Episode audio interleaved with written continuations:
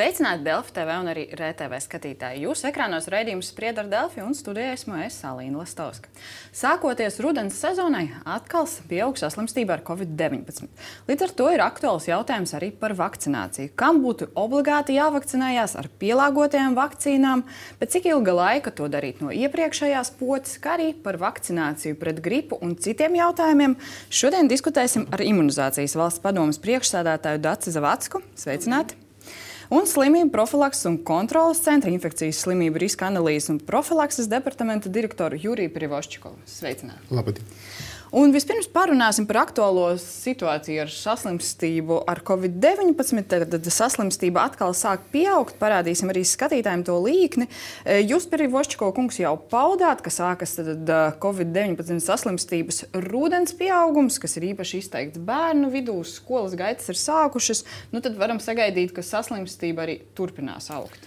Nu, noteikti, jo mēs redzam, ka katru rudeni arī iepriekš Kā arī Covid nebija, bija pieaugums respiratoram saslimšanām, Covid arī respiratoras augšelpceļu infekcijas slimībā, līdz ar to pieaugums ir neizbēgams. Un uh, galvenais pašreiz, nu, kur mēs sakotnēji redzam pirmo pieaugumu bērniem, bērnu vidu, un visticamāk arī tam sekus arī vecāku saslimšanā un pieaugušu. Jā, pirmais pieaugums bija pavasarī novērots augusta mēnesī, un tas ir veiksmīgi. Nu, tā, tā, kā teikt, mēs izdzīvojam, un tas nebija skaris ļoti daudz slimnīcas. Tas ir viens no jautājumiem, kad mēs runājam par omikrona variantu. Vieglāk, bet ļoti svarīgi, ka cilvēki ir imunizēti daudzi, un daudzi pārslimoja. Tas arī zināmā mērā palīdz. Bet nu, tas, ka tagad tā saslimstība pieaug, nu, cilvēki atkal ir vairāk telpās, pavada laiku, vairāk laika, tad palielinās kontaktu skaits. Tas ir galvenais iemesls. Noteikti. Pirmkārt, vienmēr, kad veidojas skolu, skolēnu kolektīvi, tad ir tāds neizbēgams kontakts, kad bērni pavada ilgu laiku kopā, viena telpa. Un kontakti ir neizbēgami. Un otrs, ka veidināšana arī jautājums, ja ir mazāk mēs esam ārā vairāk iekštelpas, un iekštelpas vīrusu, vīrusu infekcijas diezgan viegli izplatās. Tad faktiski, ja tagad pedagogi streikos un būs kādas laiks, nu, daļai bērnu brīvas no skolas, tad varētu arī ietekmēt būtiski to saslimstību? Vai... Es domāju, ka kopumā tagad visi faktori darbosies ne tikai uz bērniem, bet darbosies uz visu sabiedrību, un tad pieaugums noteikti neizbēgams. Mēs redzam, ka pieaugums ne tikai Latvijā, pie mūsu kaimiņiem, piemēram, Lietuvā arī sinhroni notiek pieaugums, un kopumā Eiropas saslimstība vairs nav samazinājama, bet mūsu starta pozīcija nav izdevīga. Mēs esam kaut kur divas reizes, saslimstība divas reizes augstāka nekā vidē Eiropas Savienība. Tas nu, nav labs. Kāpēc mums ir tik sliktas pozīcijas? Tāpēc, ka mēs vasaras uzlismojums bija aizkavējies Latviju uz kādam trim nedēļām apmēram. Mm, un Eiropa viņš izbeidzies daudz ātrāk, un daudz ātrāk samazināja saslimstība diezgan izteikti. Tas, ko jūs arī teicāt, ka nu, slimnīca tuvāko četru nedēļu laikā situācija būtiski nepasliktināsies, jūs to skaidrojat ar to, ka nu, ko jūs jau minējat, vakcinēšanos, arī omikrons ir vieglāk, un nu, daudz arī ir pārslimojoši. Mēs varam parādīt to situāciju slimnīcā, stacionēto skaitu. Tiešām ļoti būtiskas izmaiņas pēdējās nedēļās nav. Tad pēc četrām nedēļām nevajag gaidīt mums vispār slimnīcu pārslodzi šajā rudens sezonā, ziemā. Noteikti pagaidām četras nedēļas vismaz negaidīsim. Būs apmēram pieaugums ir iespējams, bet viņš nebūs izšķiroši liels. Bet mums vajag ņemt vērā, ka no jaunu atklātiem saslimšanas gadījumiem apmēram 1-2% cilvēku tik un tā nokļūst slimnīcā. Tas nozīmē, jo vairāk būs saslimuši, jo vairāk tomēr būs pacienti stacionāros. Bet pagaidām, pagaidām šis procents ir tāds saudzīgs, kad reiz viņš bija 16%, 15, 16%. Varam iedomāties, kāds bija toreiz noslogojums stacionāriem. Imunitāte, vakcinācija nu, darbojas joprojām. Uh -huh. uh, kolēģis saka, ka imunitāte vakcinācija darbojas joprojām. Zinām par tām jaunajām vakcīnām, tad kāpēc ir būtiski apsvērt to revakcināciju? Nu, kā jau daudzām vakcīnām, tā vakcīnas radītā aizsardzība, jo īpaši nedzīvajām vakcīnām ar laiku samazinās. Un jo īpaši vēl izraisītājs mainās savā būtībā, un tad arī imūnā atmiņa vairs nesakrīt pilnīgi precīzi ar to, kas mums apkārtējā vidē uh, cirkulē. Tāpēc uh, tāds atgādinājums imūnai sistēmai būtu nepieciešams. Nu, ja mēs paskatāmies, lielākā daļa Latvijas iedzīvotāju jau mums tādu aktīvo vakcināciju beidz mm, šī gada pavasarī, un tie seši mēneši ir pagājuši. Un, protams, kad ar balstu vakcīnu tas mm, intervāls no pēdējās vakcinācijas, kā tagad arī zinātniskie dati pierāda, nu, 6, 9 mēneši, jā, viņš ir labs, bet arī omikrons ir nācis klāt un pielāgotās vakcīnas, tātad bivalentās, kur sastāvā ir gan oriģinālais celms, kas sniedz uh, arī atgādinājumu tādā plašākā aspektā, plus, protams, papildinot ar omikronu, tas nu, tādu labu aizsardzību šai sezonai snieg, sniegs jebkuram, kurš, kam ir savu veselību dārgu un arī savs laiks un, un arī tikšanās ar cilvēkiem. Ja, tas, Daudz ko mums ietekmē vakcinēšanās. Tā, un vēl, nu, kas joprojām mēs redzam, kas nokļūst slimnīcā, tomēr cilvēki arī ar covid-19 Kas joprojām ir tajā riska,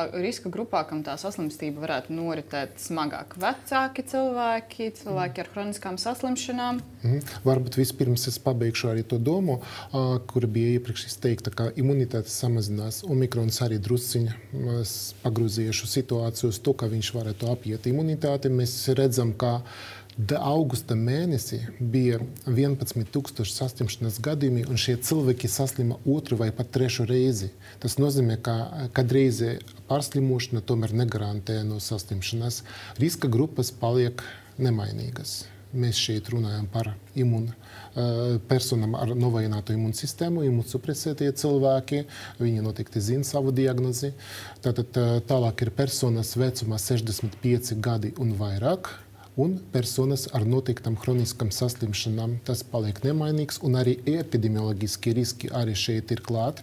Cilvēki, kuri atrodas sociālās aprūpes centros, tāpēc, ka tur tuvs kontakts, un viņiem arī nav kārtībā, protams, ar imūnsistēmu, un pacienti, kuri ārstējas stacionāras, un vispār chroniskie pacienti, kuri vēršas uz ārstniecības iestādēm. Viņam vajadzētu pirmām kārtām visam šīm grupām padomāt par vakcināciju, plus, plus arī grūtnieces. Es eh, labprāt vēl papildinātu, tātad, ja mēs runājam par imūnsupresētajiem cilvēkiem, tad uh, ir tikpat svarīgi neaizmirst, ka tās ciešās kontaktpersonas, tātad ģimenes locekļi vai tie kādi aprūpētāji, arī viņiem noteikti būtu jābūt vakcinētiem, jo mēs zinām, ka imūnsupresētiem cilvēkiem varbūt tā vakcīna nerada optimālo, maksimālo aizsardzību, un tāpēc būtu labi, ja apkārt viņam neslimot vai pat ja inficējās, mēs zinām, ka uh, vakcinētie, pat ja viņi inficējās un saslimst, viņi īsāku laiku slimo, viņi mazāk transmitē vīrusu. Ir, tas ir būtisks ieguvums. Tā tad arī ciešās kontaktpersonas. Šeit ir ļoti svarīgi, tas ir sekundārs vakcinācijas efekts. Ir primārais, ka cilvēks, kurš vakcinēts, ir pasargāts. Sekundārs, ka pasargāti tie cilvēki, ar kuriem viņš vakcinēta persona kontaktējas. Par vakcināciju vēl parunāsim, bet par to situāciju, jūs, nu, arī tas, ko jūs minat, ka omikrons ir nu, tā slimības gaita, ir nedaudz vieglāka, retāks cilvēki nonāk slimnīcās, bet nu, mēs redzam, ka tiek ziņots ar mirušu, par mirušiem, varam parādīt arī skatītājiem to situāciju ar cipariem, nu, to līkni. Nu, cilvēki joprojām mirst. Tas arī pamatā Privašķiko kungs ir riska grupu. Jā, neapšaubami. Te ir tas par riska grupām. Situācijas slimnīcas mēs tagad atšķirām. Iepriekš pārsvarā ārstējies ar smagu klīnisku gaitu pacienti no Covid. Tagad ir puse uz puse apmēram pacienti, kuriem stacionēšana ir nepieciešama, lai ārstētu covid, un kāda puse, kuriem covid ir tikai blakus diagnoze.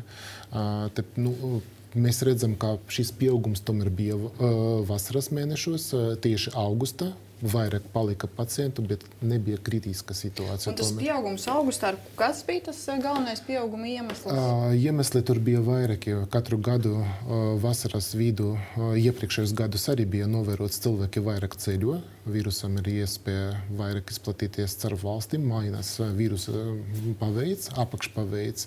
Uh, arī viņš palika drusciņ, drusciņ infekciozāks.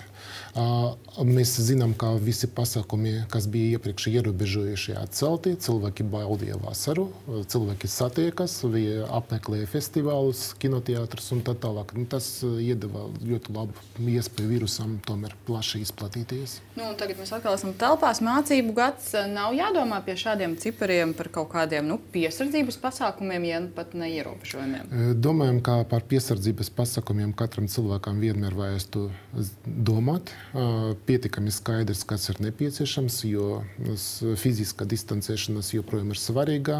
It sevišķi sabiedriskajās vietās par skolām runājot, ir skaidrs rekomendācijas sniegtas izglītī, kopā ar izglītības ministriju izstrādātas. Maskas dotajā brīdī nav obligātas.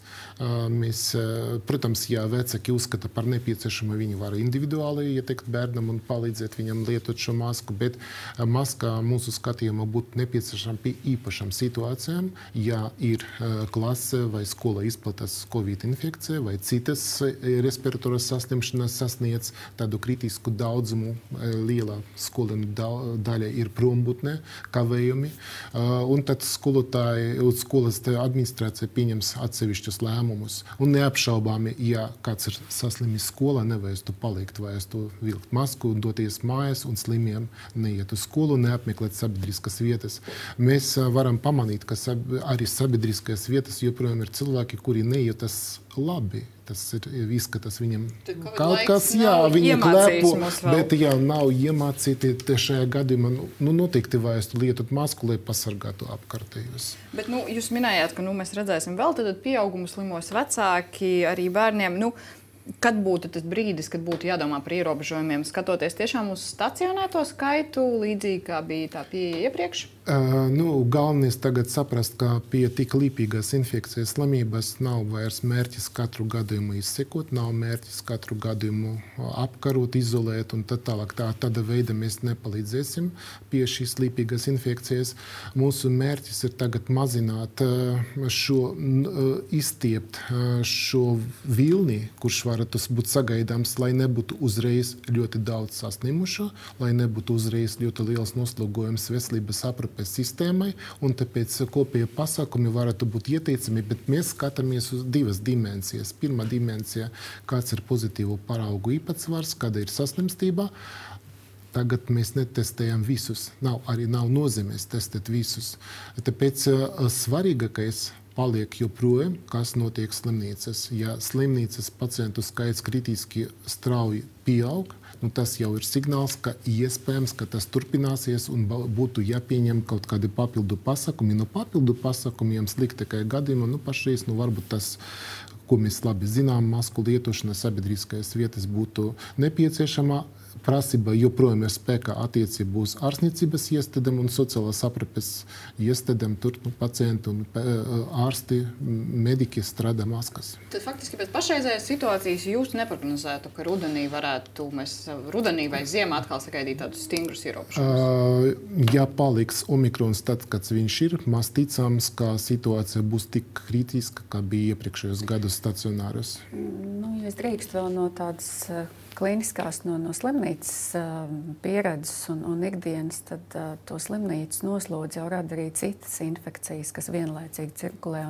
Mēs vairs netiekamies tā kā Slimnīcās arī pirms Covid bija karantīnas, gripas laikā un, un tā tālāk. Tā, tā noslodze jau radīsies ne tikai no Covid-19, bet arī no pārējām sezonālajām infekcijām. Un jo īpaši, ja mēs divus gadus esam sēdējuši mājās un skolnieki atkal aiziet, aiziet un kontaktējās vai darba vietās vairāk nāk uz darbu, tad tās ir ne tikai elpceļi, bet arī zarnu infekcijas un, un, un Tas kopumā rada gan ģimenes ārstiem, tātad ambulatorijai daļai, gan arī stacionāriem noteikti papildus slodzi.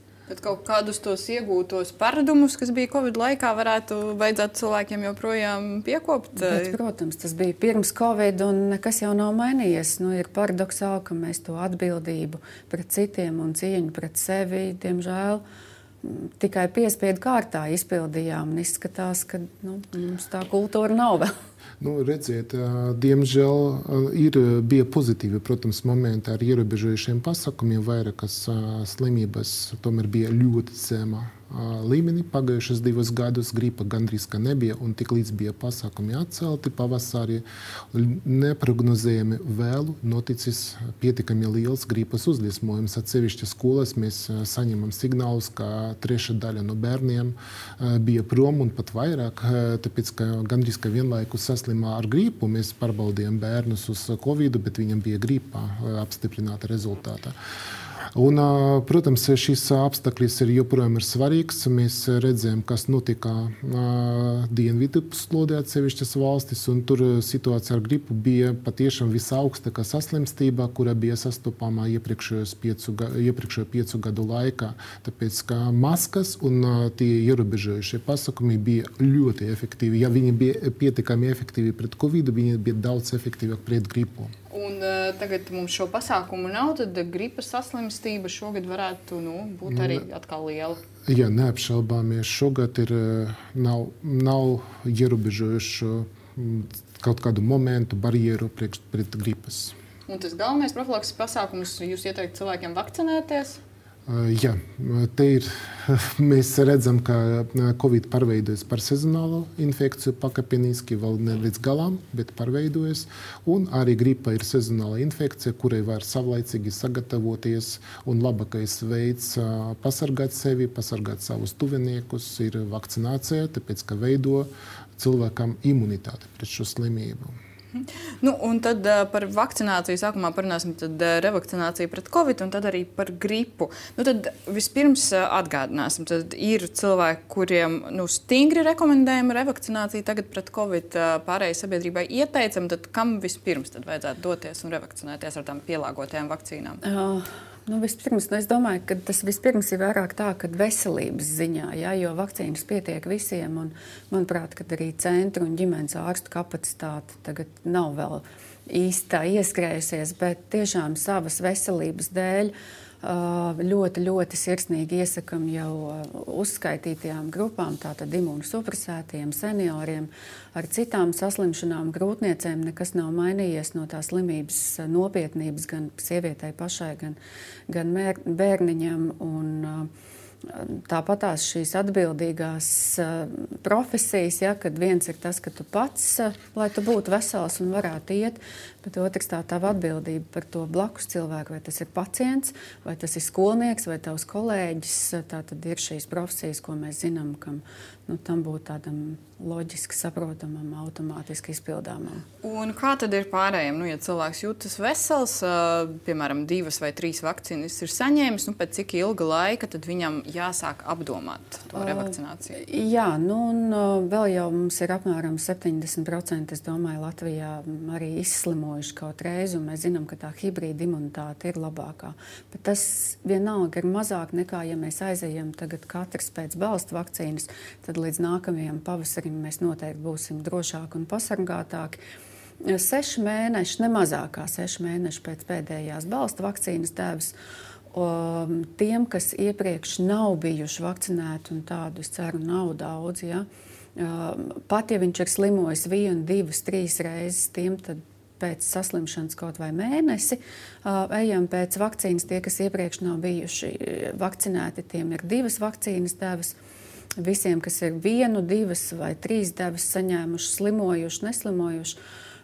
Pēc tātad ne mazākā sešiem mēnešiem viena balsta vakcīnas deva, pēc saslimšanas trīs, četri mēneši. Tie, kas jūnijā, jūlijā, augustā tagad varbūt omikronu pēdējo izslimoja, tad trīs, četri mēneši, un tad var doties pēc balsta vakcīnas. Un par to vakcināciju arī nu, mēs atceramies, nu, kā bija iepriekšējā rudenī. Arī iepriekš nu, tur bija dažādi pārpratumi, jautājumi. Nu, mums ir uh, skatītājs viens aprakstījis situāciju, kad cilvēks virs 30 gadiem vērsās uh, ar nodomu saņemt vakcīnu. Viņam tika atteikts, teikts, ka nu, virs 65 gadiem tikai. Ko, vai visiem šoreiz tās vadlīnijas ārstiem, tiem, kas iesaistīti vakcinācijas procesā, ir skaidri jūsuprāt un izskaidroti? Es domāju, ka jā, es pieņemu, ka šis jūsu minētais gadījums ir laikā, kad vēl nebija pielāgotās vakcīnas, un mēs zinājām, ka viņas būs. Un jūn, jūnijā, jūlijā, augustā tiešām jauniem cilvēkiem Nu, nebija tāda laba pamatojuma dot ar oriģinālajām vakcīnām vēl vienu balstu vakcīnu, ja mēs zinām, ka pēc mēneša būs pielāgotās, kas mūs pasargās labāk, ilgāk. Un, ja tagad saskarās ar tādu situāciju, nevajadzētu būt, nevajadzētu būt tādam. Un, ne. ja gadījumā kāds tomēr atsaka, kā rīkoties? Tad kaut vai piesakāmies citā vakcinācijas centrā. Un, un, nu, cik mēs varam, tik mēs tiešām gan šādi, gan semināros, gan profesionālajās asociācijās skaidrojam, atbildam arī uz, uz pilnīgi visiem jautājumiem. Nu, ja ārstam vai vakcinācijas pakalpojumu sniedzējiem nu, pašam kaut nedaudz interesē tas, ko viņš dara, informācija ir atrodama visur. Mhm. Vēl tas jautājums, kas bieži uztrauc cilvēkus, vai reizē jautājums, tad ar kādu no vakcīnām labāk revakcinēties. Tad bija apstiprināts divas pielāgotas vakcīnas. Tagad Eiropas komisija apstiprinājusi ar citu nedaudz omikrona apakšpaveidu vakcīnu. Tās pēdējās, cik es saprotu, būs oktobrī Latvijā. Nu, tad pagaidīt, vai vienalga ar kuru no tām visām vakcīnām. Jā, tas būtu ļoti svarīgi saprast, ka uh, bivalentās, tātad, kur ir divi vīrusu varianti, oriģinālais un omikrons, vienalga kāds tur cipariņš, viens vai četri vai pieci, uh, ir labas. Es teiktu, vienlīdz labas. Patreiz mums nav pierādījumu, kas liktu teikt, ka tās, kas ir ar piecinieku, būtu pārākas uh, pār tām, kas ir uh, ar vieninieku. Un vēl jau ir noteikti jāpadomā, mēs nezinām, kas būs nākamais vīrusu variants. Un no dotajiem zinātniskajiem un arī tādiem uh, laboratorijas neutralizācijas uh, datiem mēs zinām, ka uh, tās, kas ir ar vieninieku, viņas spēja labi neutralizēt arī iepriekšējos uh, vīrusu variantus. Un, ja nāks nākamais, mēs jau nezinām, vai viņš būs tuvāk omikronam, viņš, jo omikrons jau ir pavisam tajā radu rakstā aizgājis ļoti tālu no, no Covid.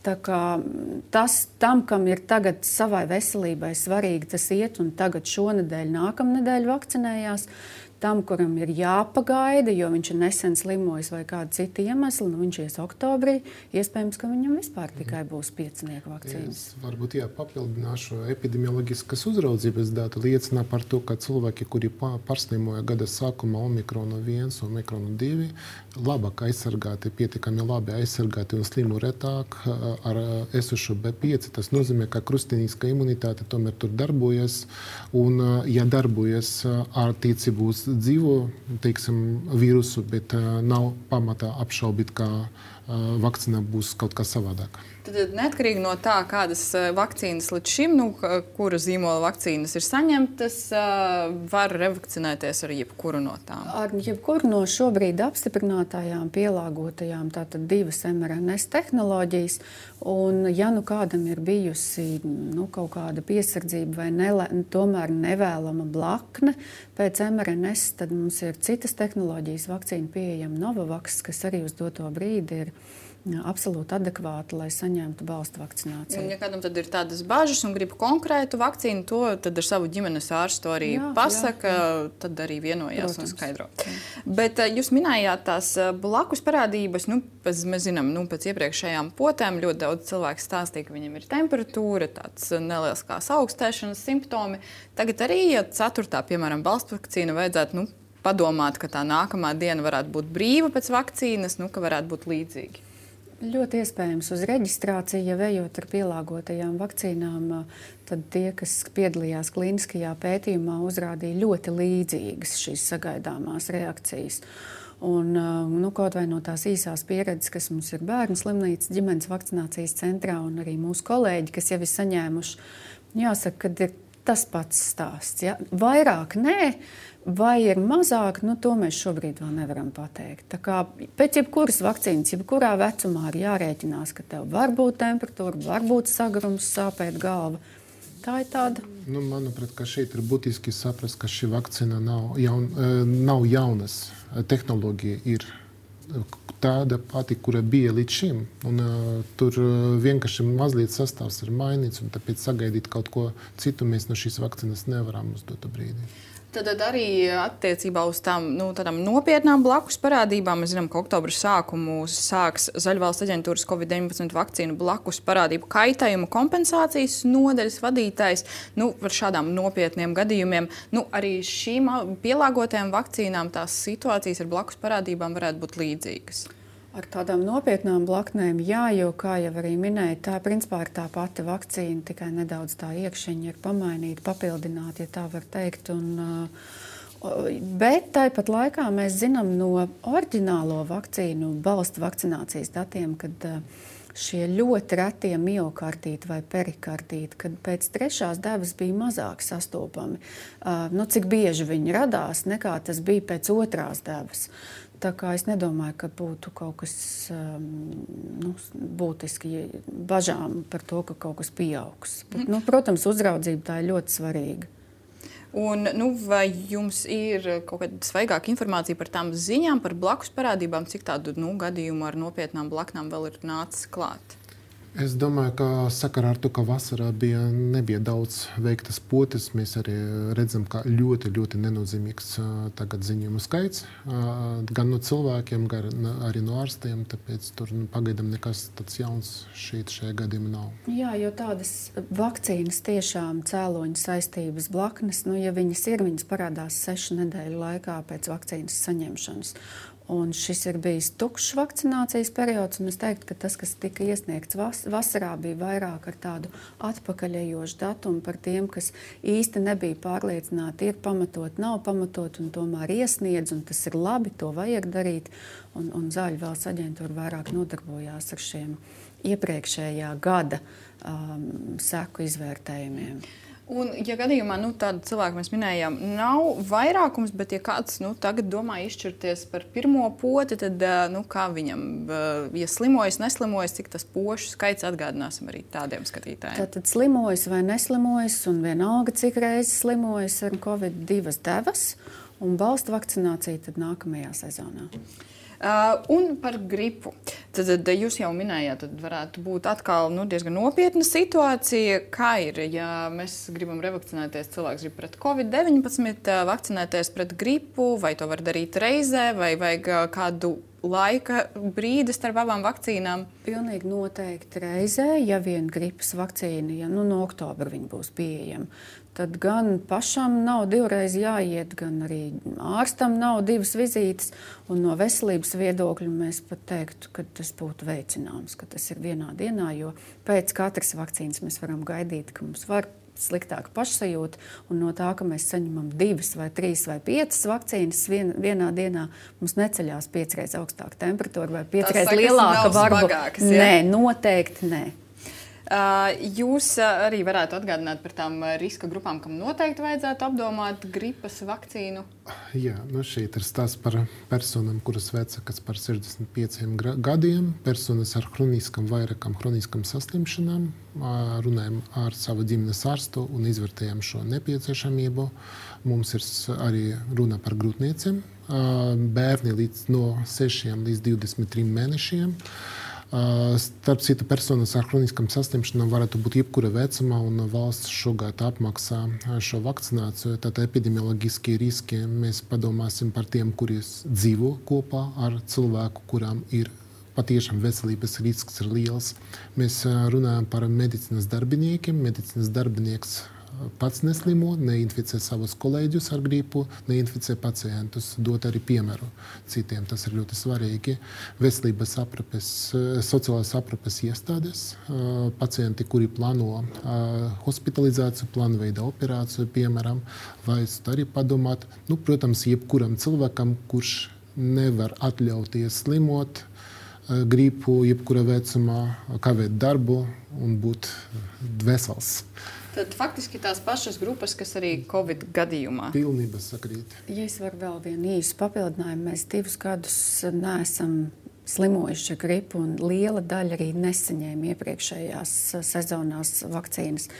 Tad nu, mums tā imūnā atmiņa un aizsardzība tikpat kā jau no iepriekšējā, ko varēja atcerēties, vairs nav tā kā varētu arī tie, kas regulāri vakcinējās un covid dēļ izlaida gripas vakcināciju, ja viņi nesavakcinēsies, viņi varētu slimot tāpat kā vispārējie, tomēr arī nopietni. Un tas, ko jūs minējāt, nu, nevakcinējās varbūt kādu laiku, neslimojam ar gripu, tas nozīmē, ka tā gaita vidēji varētu būt arī smagāka cilvēkiem. Nu, redziet, imunitātes zudums vienmēr veicinās to klīnisku smagumu. Tad ir tādi riski šajā Jā. sezonā. Noteikti. Nu, varbūt nobeigumā arī gribu pateikt, ka nevajadzētu aizmirst par citām vakcinācijām, bērnu imunizāciju, paskatīties. Diemžēl Covid laikā arī daži bērni bija, nebija saņēmuši savu vakcināciju, un procents drusku pēc citām, jebkurām infekcijas slimībām, plānveidā, kuras ir iekļautas vakcinācijas kalendārā. Tāpēc mēs aicinām vecākus nu, tomēr pievērst uzmanību, kā neraugoties uz Covid, neraugoties uz ierobežojumiem, šī vakcinācija ir svarīga. Mēs redzam, kas notiek notiek ārzemēs. Londonā cirkulē poliovīrus, Ņujorkā izsludināta ārkārtēja situācija, aizmirstas infekcijas varētu atgriezties ļoti ātri, tāpēc ka pazeminās un nav imunitātes. Pasaules veselības organizācija tikko izsūtīja brīdinājumu, kad ir 50 difterijas gadījumi jau Eiropas Savienībā tas, ko mēs jautājām gan Covid laikā, un uh, kā jums šķiet tā sabiedrības plaša diskusija par vakcināciju, cik Covid-19 sakarā, cik tā ir efektīva, cik tā ir laba, cik var būt blakus parādības. Nu, mēs zinām, ļoti atšķirīgi bija viedokļi sabiedrībā. Tas ietekmē kopumā vakcinācijas aptveri arī pret citām slimībām. Tas, ko mēs redzam pašlaik, tas, ko jūs minējat, ka kāds izlaida, mēs varam teikt, ka tāda. Es domāju, ka šīs pazeminājums nav raksturīgs tikai Latvijai. Mēs, Latvijai mēs runājam ar PVO ekspertiem. Viņi teica, gan arī, ka visas Eiropas Savienības valstis eh, bija pazeminājums. Tas ir saistīts ar diviem iemesliem. Protams, kā primārā veselības aprūpe bija orientēta vairāk, un tā kapacitāte bija diezgan eh, izmantota uz covid apkarošanu pacientiem ar covid, tāpēc tur bija mazliet ar kapacitāti saistīts. Un otrs jautājums, kā diemžēl dezinformācija par vakcināciju ar covid kopumā varēja ietekmēt un popularizēt eh, to antivakcinācijas cilvēku viedokļus, skeptiku viedokļus sabiedrībā?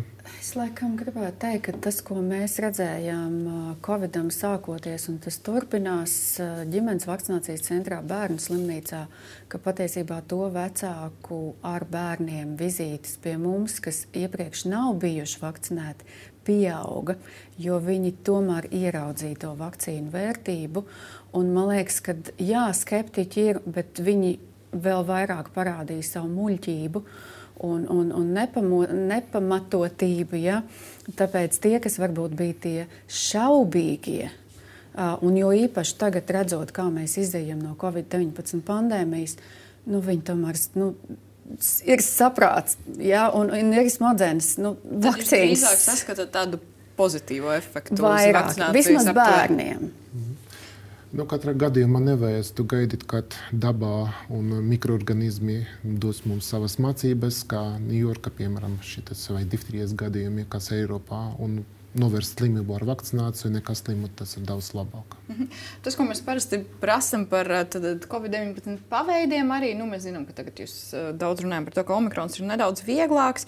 Nu, mēs varam gaidīt atkal rudenī, vai ziemā, vai drīzumā jaunu paveidu, kas varētu būt uh, grūtāks. Kādas tur ir prognozes? Nu, redziet, to neviens nevar zināt, tāpēc, ka divu gadu laikā mēs redzējām radikālas, iz, radikālas izmaiņas, bija sakotnējs Vuhaņa celns, pēc tam alfa un delfa. Toreiz bija katra celns bija smagāks pārnesāms tie, tieši klīniski, bet arī nebija imunitātes, nebija vakcinācijas pietiekami daudz cilvēkiem.